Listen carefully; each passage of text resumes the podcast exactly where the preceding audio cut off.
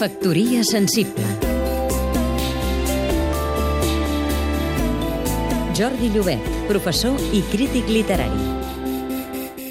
Sembla que una de les claus de l'èxit del moviment polític Barcelona en Comú ha estat el fet que s'ha produït, per fi, un canvi generacional en l'espectre de la massa votant a Catalunya. Molts joves que mai no havien votat o que no tenien edat per fer-ho, ara s'hi han animat a causa de les propostes engrescadores de tots els grups que han conformat aquesta candidatura.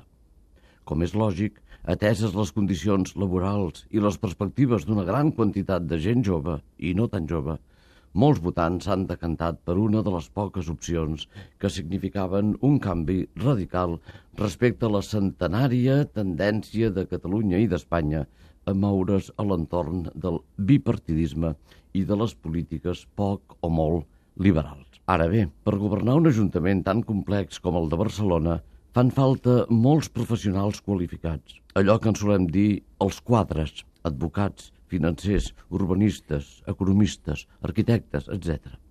No s'ha vist encara que Barcelona en Comú disposi d'aquests quadres professionals imprescindibles dels que sí que havia disposat tant el PSC com CiU. D'on els reclutarà l'activista Ada Colau? Seran proveïts pel PSC encara que sigui un partit que ha perdut una bona dosi dels seus millors gestors, és una incògnita. La millor solució potser seria que Ada Colau governés amb els suports que necessita, però que agafés tots els quadres de Ciu sota vigilància permanent, això sí, per resoldre-li uns problemes amb què ella mai no havia hagut d'enfrontar-se. Factoria sensible